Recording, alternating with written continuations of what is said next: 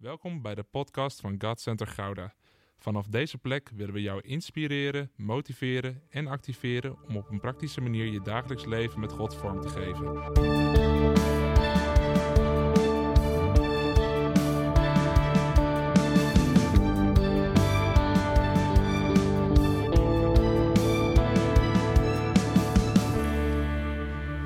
Gaat het nog goed? Voelen we ons al krachtiger dan gisteren?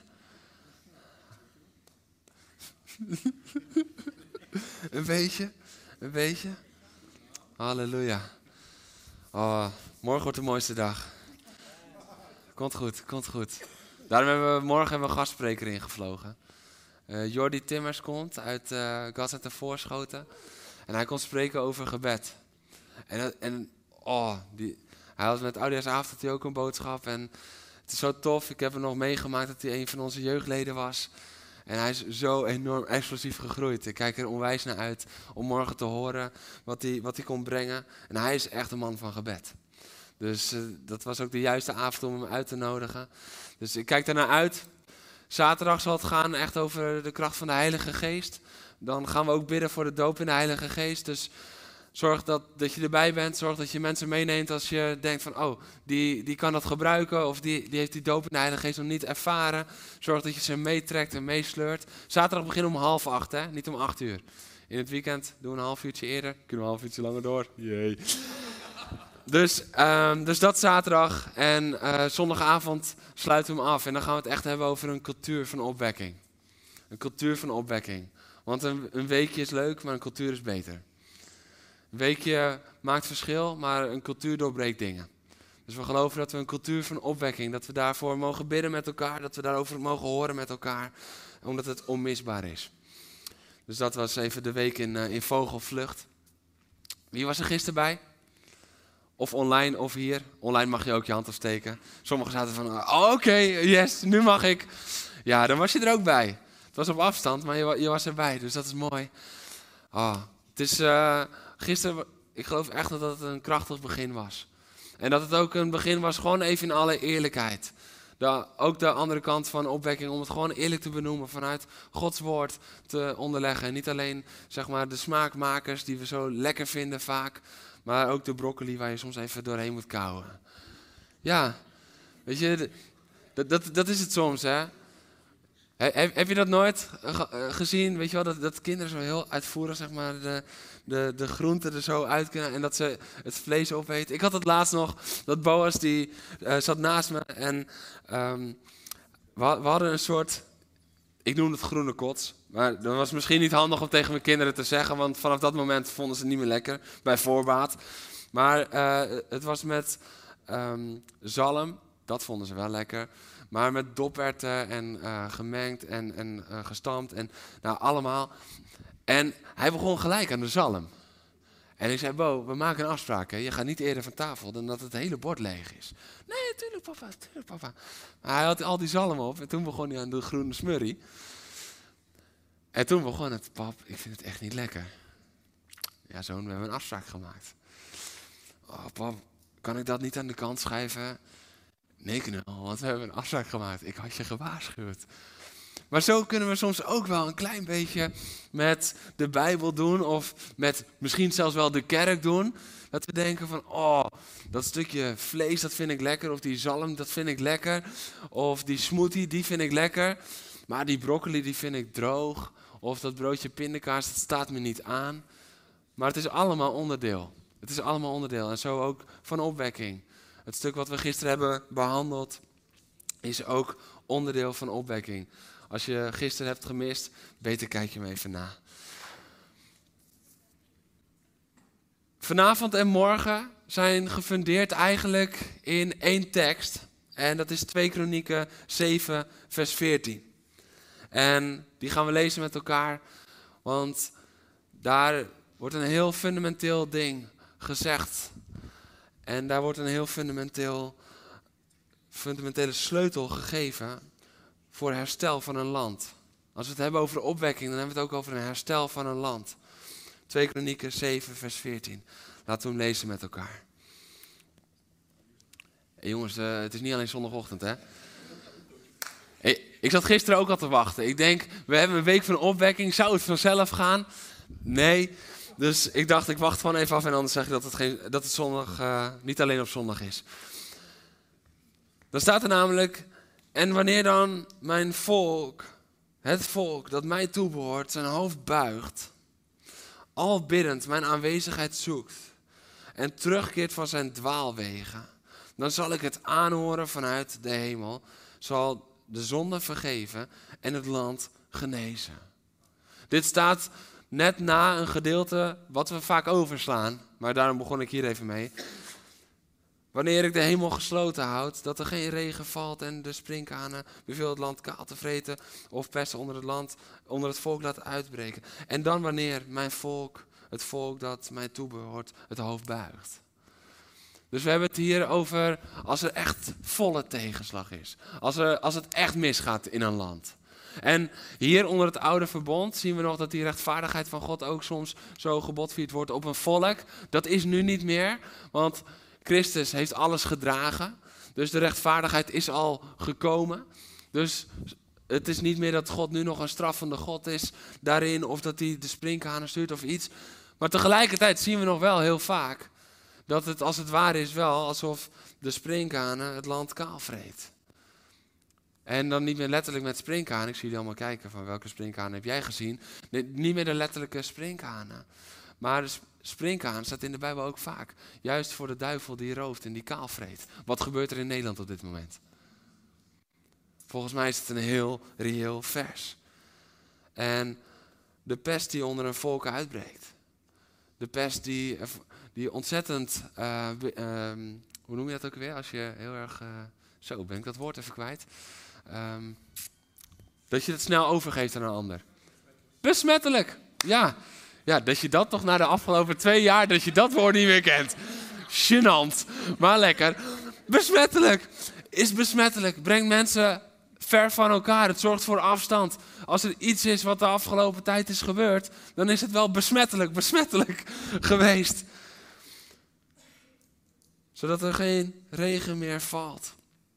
Dat de zegen uitblijft. Dat het lijkt alsof alles droger wordt. Dat het droger wordt in de samenleving. Dat het droger wordt, soms zelfs in de kerk. Het is iets wat we hebben gezien. En dan wanneer mijn volk, het volk dat mij toebehoort, het hoofd buigt, al biddend mijn aanwezigheid zoekt en terugkeert van zijn dwaalwegen, dan zal ik het aanhoren vanuit de hemel, zijn zonde vergeven en het land genezen. Weet je wat hier staat? Dat God onze zonde vergeeft als wij terugkeren bij Hem en daardoor het land geneest. De sleutel ligt bij zijn volk. De sleutel ligt bij zijn volk. Als mijn volk het hoofd buigt, als mijn volk binnen mijn aanwezigheid zoekt, zegt God, dan zal ik het land genezen. We hoeven niet te wachten totdat heel Nederland tot inkeer komt. Nee, we moeten ons hoofd buigen zodat heel Nederland tot inkeer komt. Je mag gaan zitten.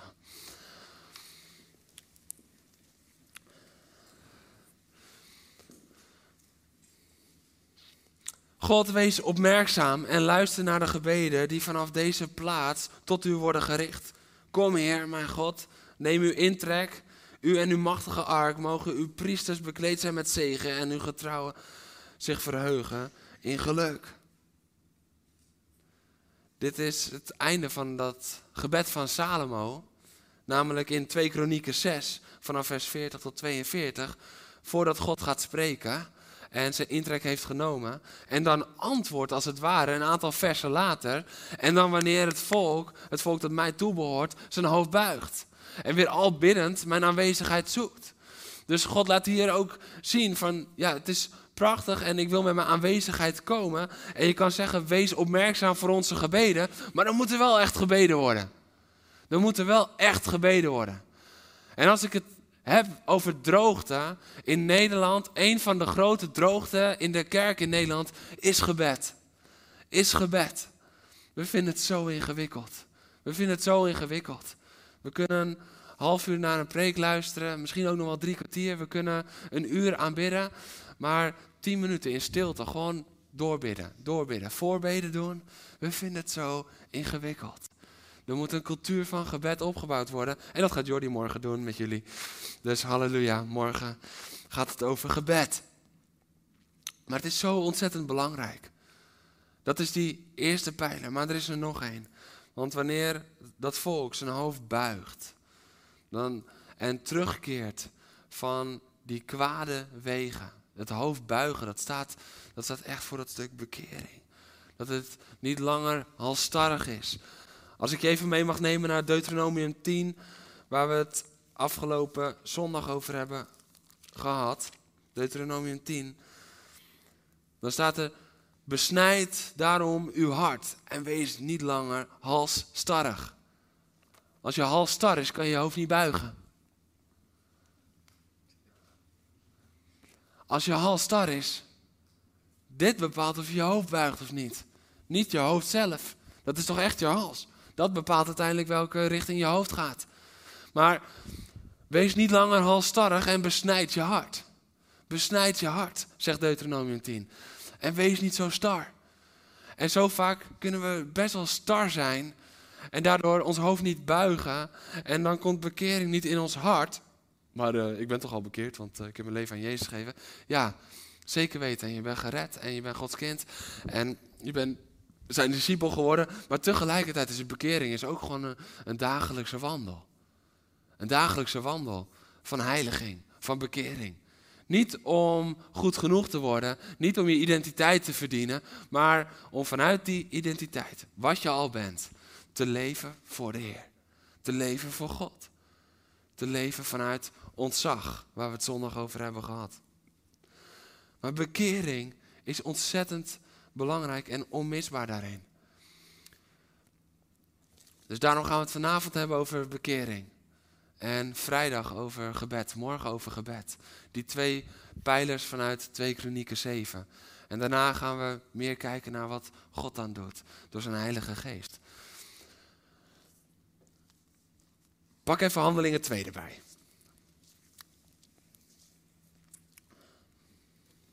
Vers 37 tot en met 40. Handelingen 2 is een van de meest bekende Bijbelhoofdstukken die er is. Het is namelijk Pinksteren. En we hebben dan gezien dat de geest is gevallen. We hebben gezien dat Petrus heeft gepredikt. En dan staat er in vers 37. Toen zij dit hoorden, waren zij diep getroffen. En vroegen aan Petrus en andere apostelen: Wat moeten we doen, broeders? Petrus antwoordde: Keer u af van uw huidige leven. Bekeer u. En laat u dopen onder aanroeping van Jezus Christus om vergeving te krijgen voor uw zonde. Dan zal de Heilige Geest u geschonken worden. Wat voor u geldt, deze belofte, evenals voor uw kinderen en voor allen die ver zijn van de Heer, onze God, die uh, tot zich zal roepen. Ook nog op andere wijze legt hij getuigenis af, waarbij hij dringend beroep op zijn toehoorders deed met de woorden: Laat u redden uit dit verdorven mensengeslacht. Laat u redden uit deze scheve generatie, staat er ten diepste. Laat u redden uit deze scheve generatie. En wat staat er dan? Degene die zijn woorden aanvaarden, lieten zich dopen. Er zit iets tussen het moment. Tussen het moment dat ze diep getroffen waren en de mensen die te aanvaarden. Want die lieten zich dopen.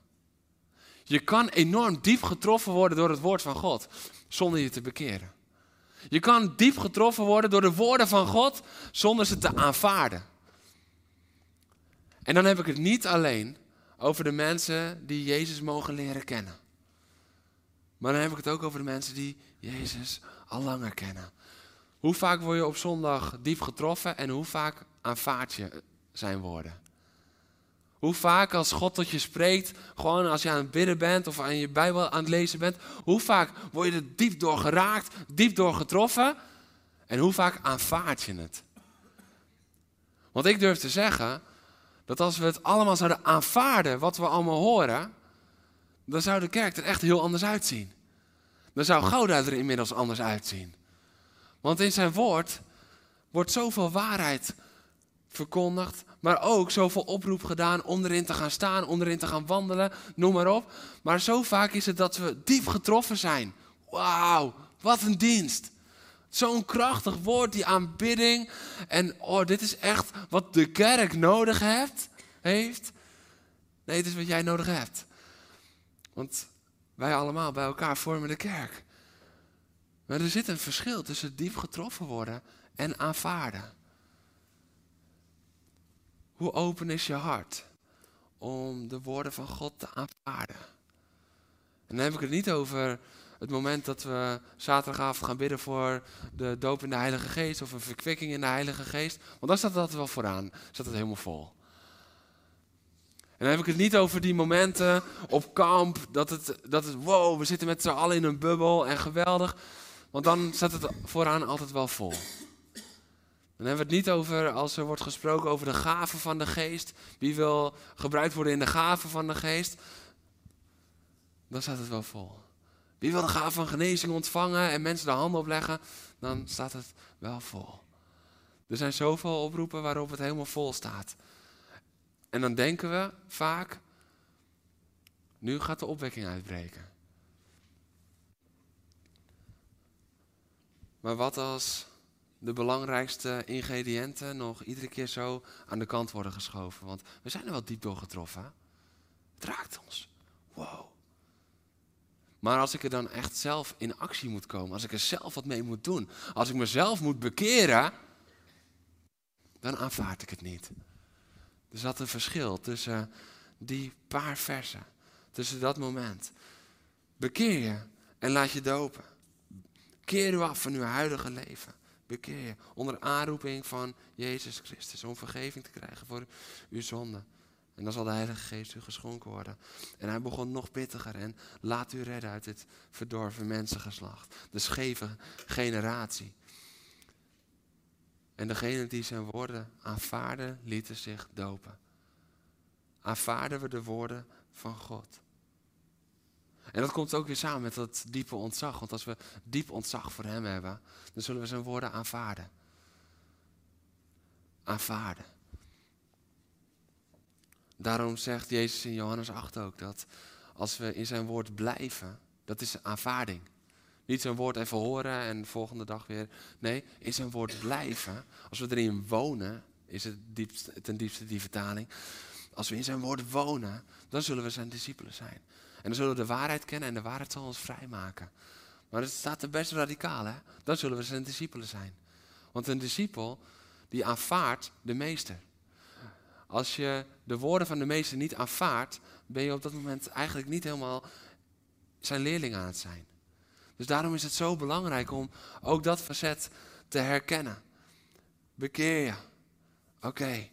Ja, maar inderdaad, Jeroen, zij moesten zich echt bekeren. Zij, zij moesten zich bekeren, want zij hadden Jezus nog niet aangenomen. Dus, maar wat als God ons ook regelmatig vraagt? Bekeer je daarvan. Reken af met die vrucht van je leven. Niet de vrucht van de geest, maar duidelijk een andere vrucht in je leven. Bekeer ervan.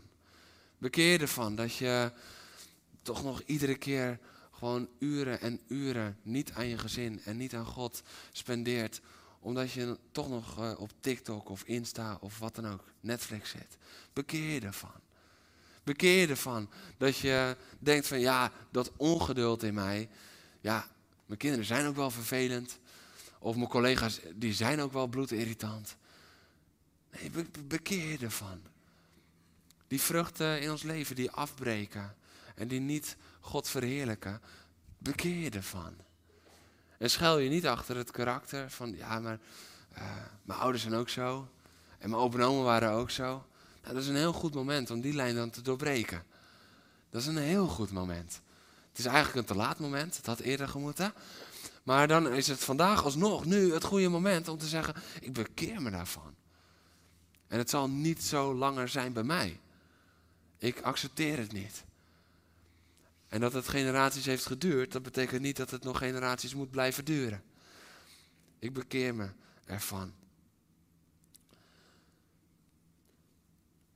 Opwekking komt als we met elkaar bereid zijn om onszelf te breken. Met de nadruk op met elkaar. Opwekking, ja, het begint vaak bij die kleine meerderheid, minderheid. Maar uiteindelijk moet er een groep bereid zijn om te zeggen: Oké, we zijn bereid om onszelf te breken.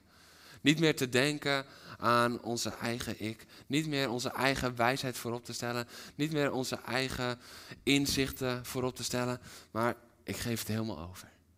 En als dat gebeurt, dan breekt er altijd overwinning uit. Ik wil je meenemen naar het verhaal van Gideon. Het verhaal van Gideon, het is een redelijk bekend verhaal, maar ik ga hem even in vogelvlucht door. Gideon wordt geroepen, is nog niet echt een uh, menselijk gezien een held, maar God noemt hem al held. En hij vraagt een aantal keer op bevestiging en hij krijgt die. En God zegt, ik wil jou uh, gebruiken om het kamp van de Midianieten te verslaan. Jullie worden al zo lang onderdrukt en iedere keer worden jullie kaal gevreten. Weet je, ze werden niet tot slaven gemaakt. Maar wat je wel ziet is dat de Midianieten iedere keer alle oogst roofden. Alles roofden ze. Alles roofden ze.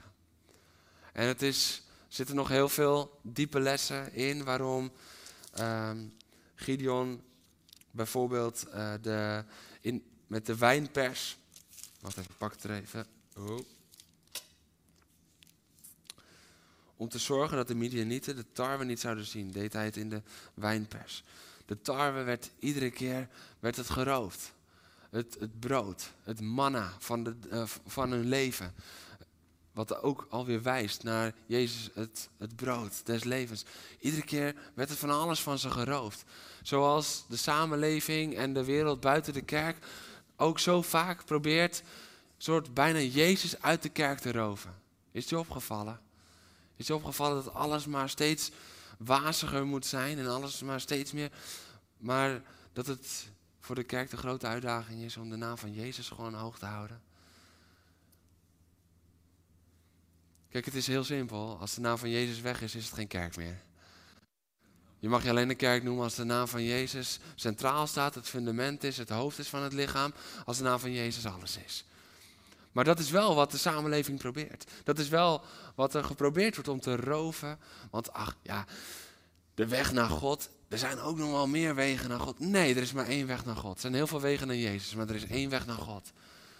Er is één weg naar God en dat is Jezus Christus. Alleen maar Jezus, Jezus, Jezus, Jezus, Jezus. Joh, we zouden genoeg eraan moeten hebben als er een prediker een keer hier staat en die gaat gewoon drie kwartier zeggen, Jezus. Jezus. Jezus.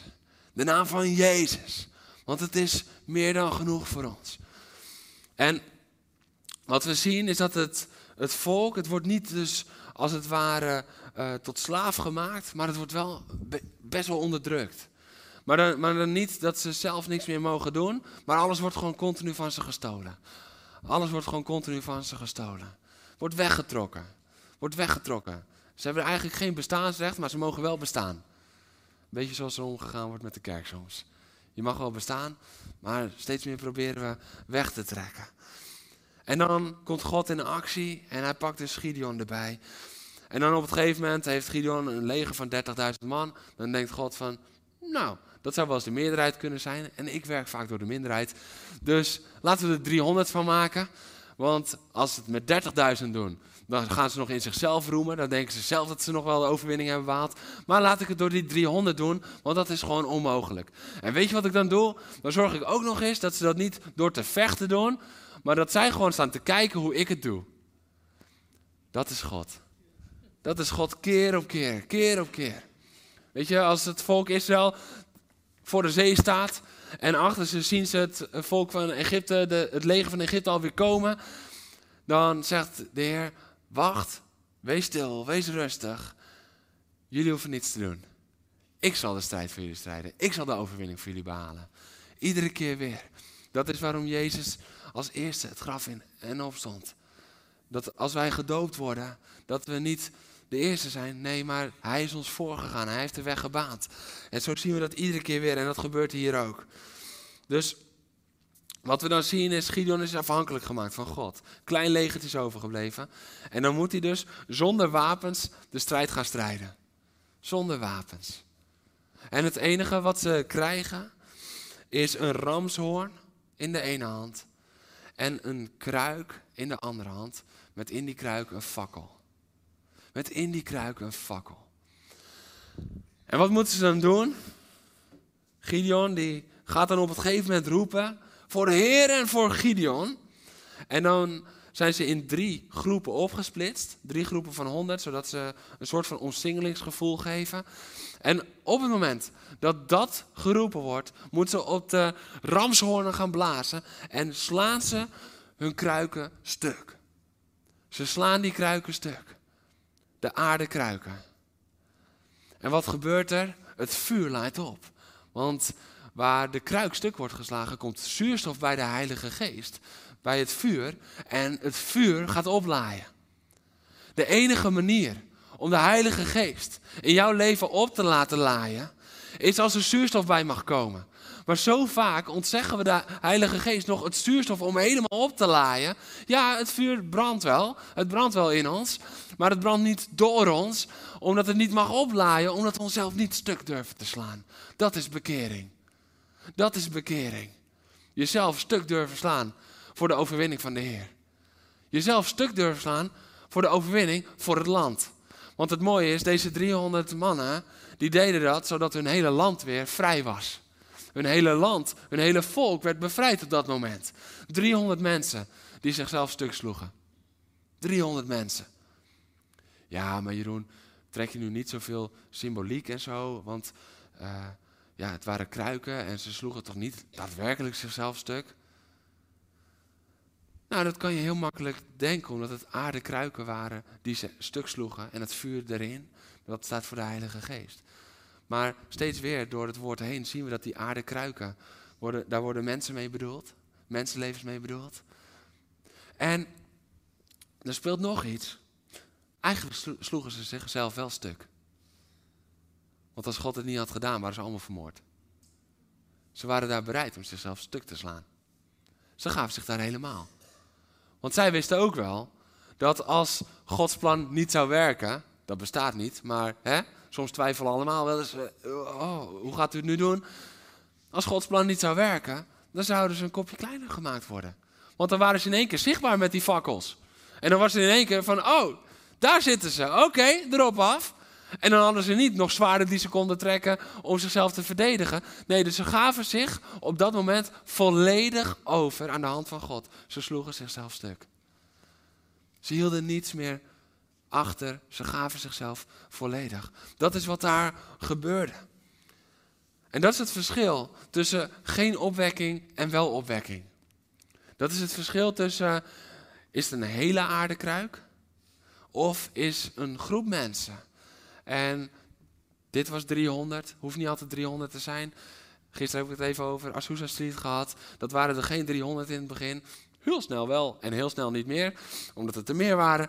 Maar het hoeft niet altijd 300 te zijn. Maar er was een groep mensen die zich integraal, met elkaar, niemand uitgezonderd, had voorgenomen: ik ben bereid om mezelf stuk te slaan. Ik ben bereid om mijn leven te geven. Ik ben bereid om alles te geven. Niet als de opwekking uitbreekt, ik ga aanhaken. Maar ik zorg dat ik alles geef, zodat opwekking kan uitbreken. Zijn wij de christenen, zijn wij de discipelen, zijn wij het volk van God, waardoor opwekking uitbreekt? Of zitten we te wachten tot we ergens kunnen aanhaken? Want dan is vaak het moeilijke werk is al gedaan. Hè? Ik bedoel, bidden, vasten, nog, nog niet zien, maar wel ervoor gaan. Preken van jezelf, dat gebeurt er allemaal voor. Aanhaken is makkelijk, van oh, het is hier helemaal te gek en God... Maar daarvoor is het echt werk geweest. Als we echt opwekking willen, dan moeten we niet wachten tot we ergens kunnen aanhaken, maar dan moeten we bereid zijn om onszelf te breken, zodat de opwekking kan uitbreken. Als wij onszelf breken, kan opwekking uitbreken. En het gevolg is dat ze door die kruiken die stuk worden geslagen, de Heilige Geest die de ruimte krijgt. Dat is ook hè. In opwekking krijgt de Heilige Geest de ruimte. dan krijgt het ruimte die we daarvoor niet gaven. Dat is een van de beelden van opwekking, dat de Heilige Geest de ruimte krijgt. Als, als Pinkster uitbreekt, dan krijgt de Heilige Geest de ruimte die hij daarvoor nog niet had gehad. Hij was wel ingeblazen al, Johannes 20, maar hij was nog niet op ze gekomen.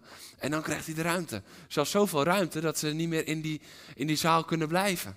Het moet eruit. Ze moeten eruit. Het moet bekend worden. Het moet bekend worden. Dat is wat er gebeurt. Dat is opwekking. En als we dan bereid zijn om onszelf, onszelf stuk te slaan, dan heeft het ook heel veel gevolgen. Want het brengt bevrijding. Bevrijding van onderdrukking.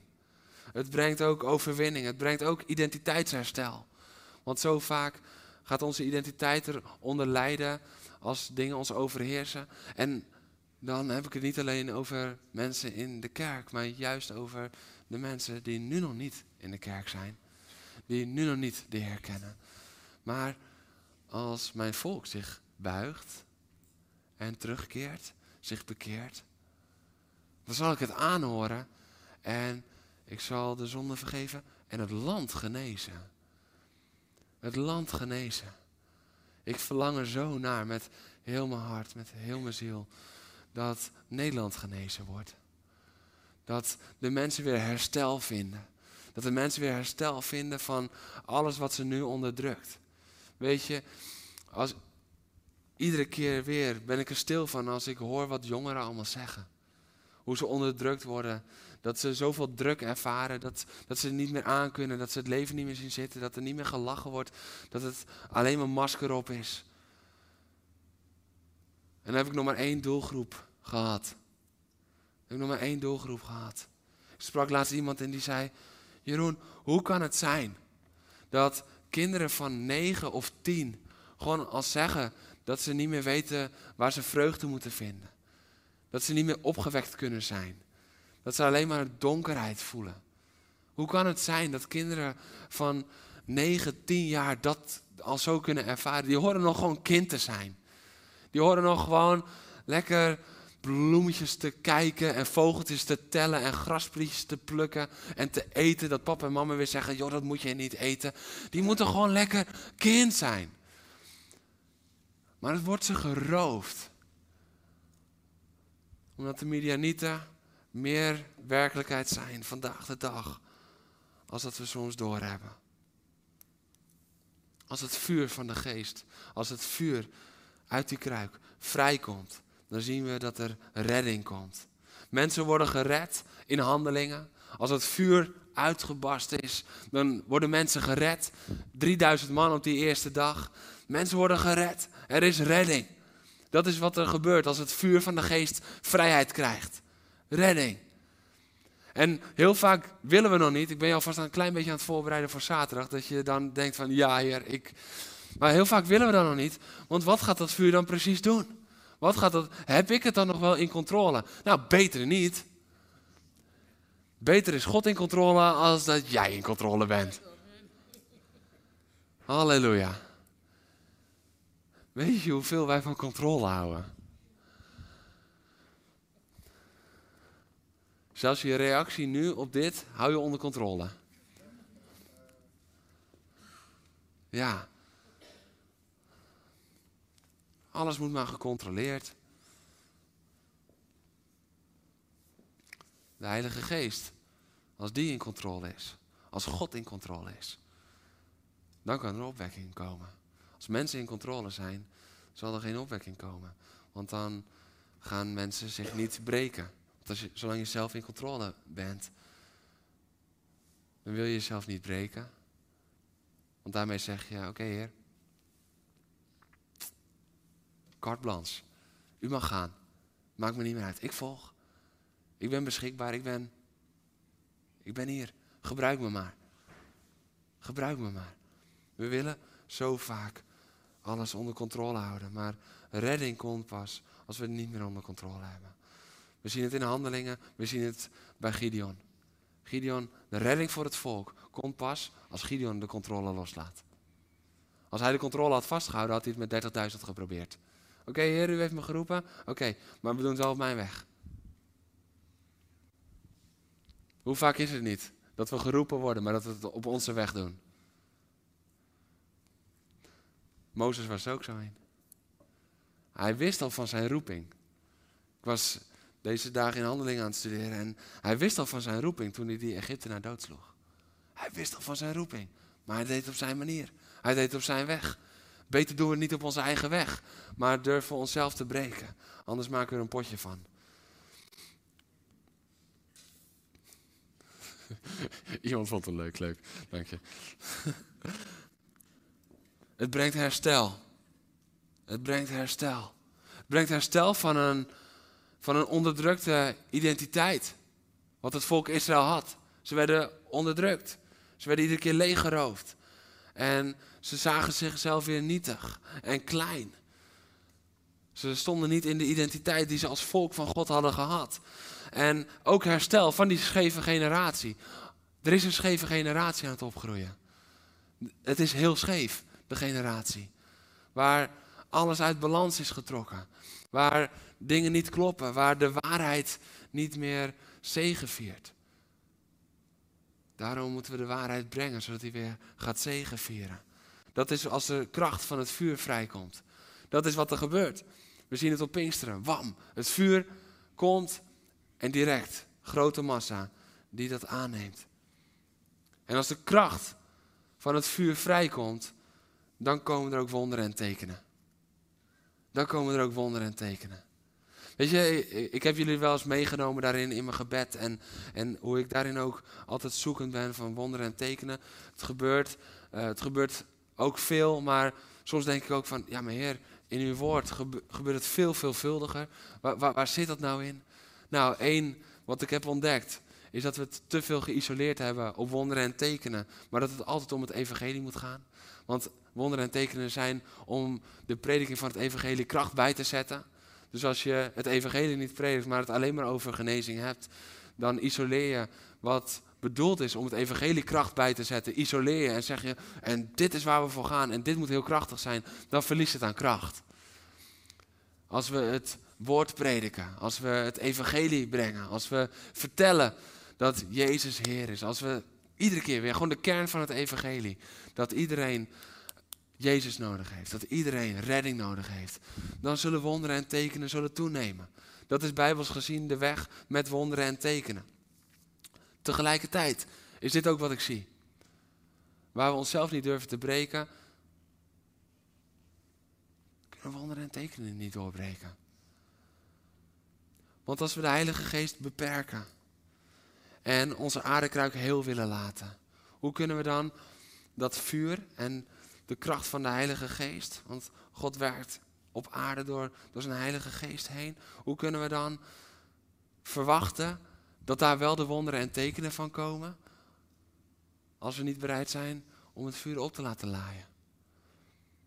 Dit is het inzicht dat ik deze week kreeg.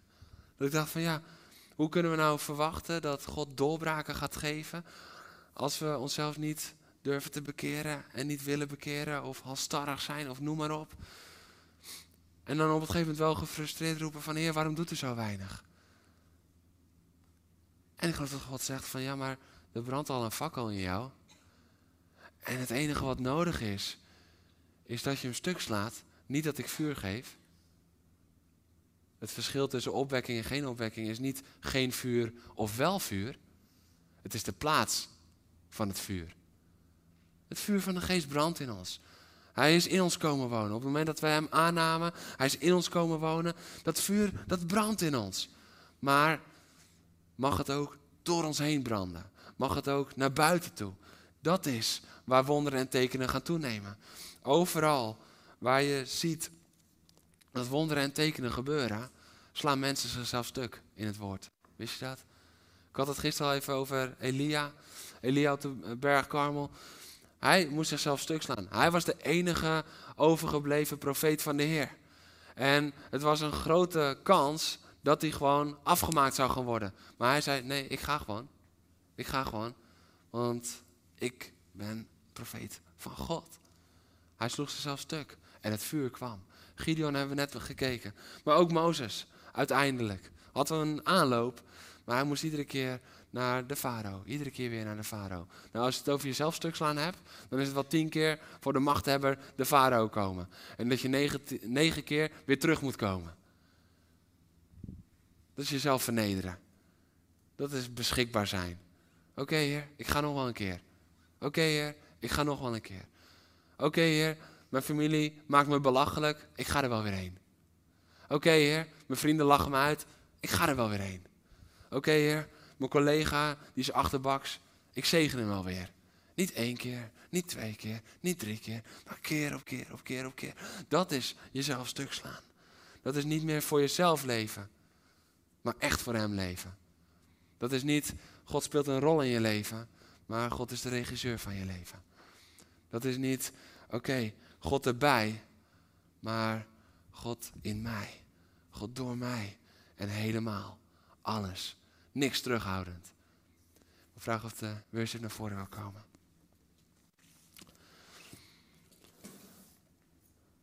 Want als we dit gaan doen, dan gaat er vuur oprijzen. Dan gaat er echt vuur oprijzen. En, en misschien denk je van, het is wel scherp de eerste twee dagen. Maar ik geloof echt dat God dit op de agenda zet. Omdat hij echt, echt op zijn agenda heeft dat er een opwekking gaat uitbreken in Nederland. Maar hij moet zijn volk dan wel voorbereiden.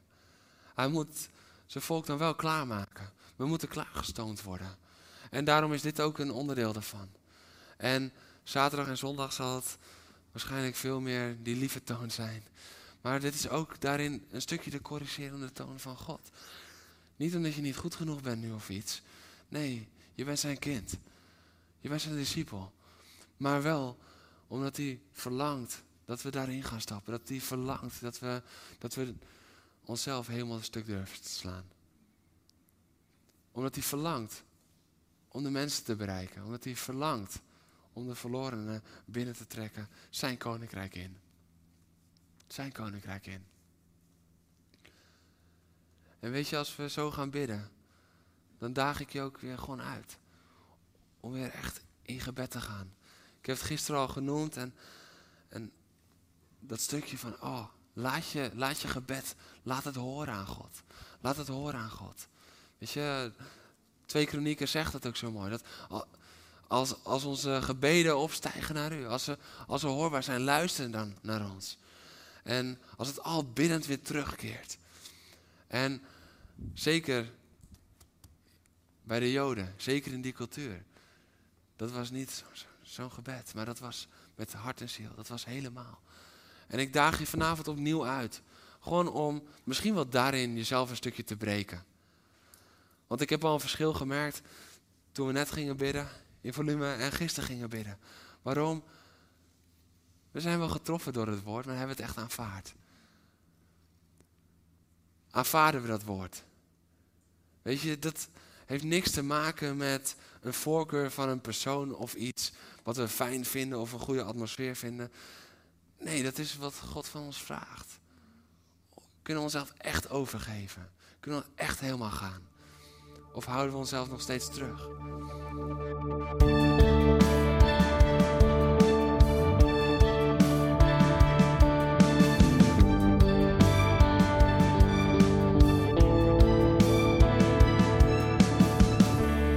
Bedankt voor het luisteren naar deze podcast. Volg ons op onze kanalen om verbonden te blijven. Heeft deze aflevering jou geraakt? Deel dan op je socials en tag ons, zodat we samen meer mensen kunnen bereiken.